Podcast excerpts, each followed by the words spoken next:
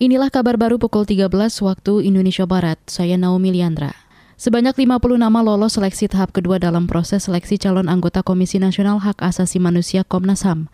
Wakil Ketua Panitia Seleksi Kamala Chandra Kirana mengatakan 50 orang itu dipilih dari hampir 100 nama yang mendaftar anggota Komnas HAM. Panitia Seleksi Calon Anggota Komnas HAM RI 2022 sampai 2027 atau Pansel hari ini secara resmi mengumumkan hasilnya melalui surat pengumuman nomor 45 garis miring Pansel KH garis miring uh, eh, 5 Romawi garis miring 2022 di mana Pansel menyatakan sebanyak 50 orang peserta seleksi telah lolos ke tahap seleksi selanjutnya. Wakil Ketua Panitia Seleksi Kamala Chandra Kirana mengatakan, dari nama-nama itu terdapat 9 orang perempuan atau 18 persen dari jumlah yang lolos. Mereka memiliki latar belakang beragam seperti aktivis, advokat, akademisi, jurnalis, ASN, hingga polisi. Ada juga anggota pertahanan Komnas HAM yang mendaftar kembali. Para calon selanjutnya akan mengikuti tes berikutnya yaitu dialog publik tatap muka. Kepengurusan Komnas HAM saat ini akan berakhir November mendatang. Cuaca buruk laut melanda kawasan pantai utara di Kabupaten Rembang, Jawa Tengah. Sejumlah kapal perahu rusak bahkan ada yang tenggelam. Laporannya bersama Musyafa dari Rembang. Ombak besar disertai angin kencang Kamis sore di pesisir pantai utara Kabupaten Rembang mengakibatkan perahu-perahu nelayan tenggelam.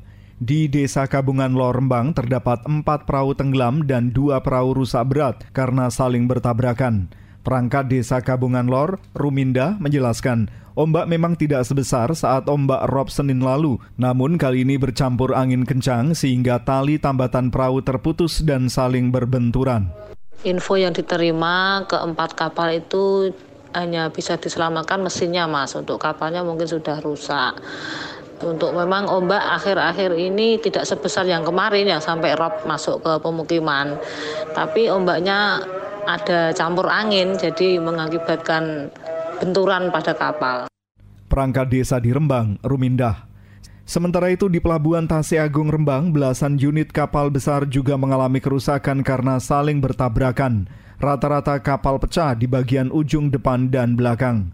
Kepala Satuan Polisi Air Polres Rembang AKP Sukamto menghimbau nelayan waspada cuaca ekstrim di pesisir pantai utara Jawa dalam beberapa hari ke depan. Musyafa R2 Birembang melaporkan untuk KBR. Kita ke mancanegara. Publik di Amerika Serikat, khususnya di negara bagian Texas, menyuarakan kekecewaan dan kemarahan mereka terhadap polisi. Masa menganggap polisi lambat menangani kasus penembakan di sekolah yang menewaskan 19 siswa dan dua guru. Dikutip dari AFP, para orang tua, siswa, dan keluarga korban mempertanyakan polisi yang butuh waktu satu jam untuk melumpuhkan pelaku penembakan. Para orang tua langsung menuju sekolah saat penembakan terjadi, namun polisi yang jumlahnya sekitar 40 orang dianggap tidak melakukan apa-apa untuk menghentikan penembakan itu. Orang tua siswa dan keluarga korban juga mendesak pemerintah Amerika dan gubernur negara bagian mengambil tindakan merevisi hukum untuk mencegah terulangnya kejahatan bersenjata. Demikian kabar baru KBR, saya Naomi Liandra.